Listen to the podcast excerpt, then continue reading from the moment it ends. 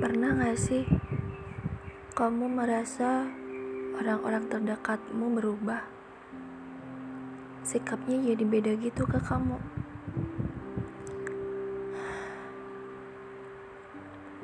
Melewati hari ini yang hampir habis, rasa-rasanya banyak hal yang gak jalan sesuai ekspektasi. Syukuri aja, seenggaknya hari ini gak ada alasan buat bermalas-malasan. Tetap bergerak dan gak stuck di satu tempat atau di satu kerjaan aja. Ngomongin gerak, aku gak pernah tahu seberapa cepat atau lambat pergerakan seseorang bisa berubah-ubah.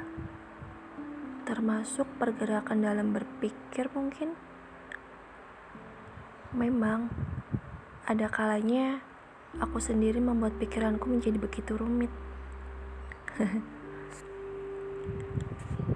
Itu bisa jadi disebabkan karena perubahan sikap diri seseorang, perubahan sikon di lingkungan sekitarku, atau hal lainnya yang aku belum siap menerimanya. Serba dadakan gitulah. Ya, hidup emang penuh kejutan sih. Aku gak bisa menebak perubahan sikap atau sifat seseorang disebabkan oleh apa. Tapi, aku kira ketika seseorang berubah, aku hanya perlu menyadari dua hal. Dia memang berubah, atau pribadi aslinya memang demikian. Aku hanya belum mengenal dia sepenuhnya. Terkadang muncul rasa bingung ketika orang-orang terdekat bersikap biasa di hadapanku. Nggak perlu juga buru-buru nanya, dia kenapa berubah ya? Aku coba balikin dulu ke diriku sendiri. Aku kenapa ya sampai sikap dia ke aku beda? Apa ada yang salah dari sikapku atau ucapanku ke dia? Hmm, jadi apakah benar dia yang berubah? Kesimpulan pendekku adalah dia nggak berubah. Hanya saja kita belum benar-benar mengenal pribadinya. Jadi kebiasaan dia yang nggak kita tahu mungkin keluar seketika itu. Dan kita belum siap menerima sikapnya yang sebenarnya bukanlah hal besar. Dia nggak berubah. Bisa jadi pribadi aslinya memang demikian. Dia mungkin hanya menyembunyikan karena perlu menghargai keberadaan kita atau mencoba mengimbangi kita atau entahlah.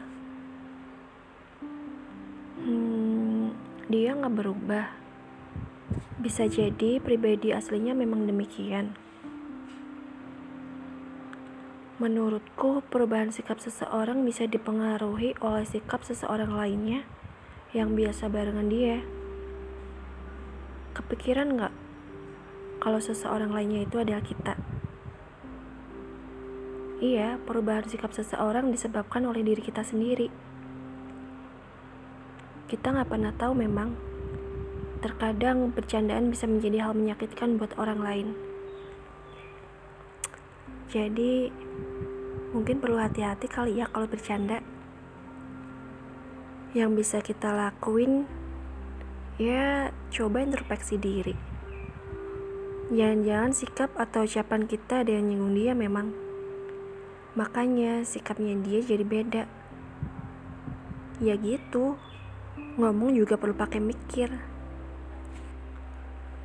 kalau kamu berada di posisi kayak gitu, mending langsung konfirmasi aja yang kebersangkutan.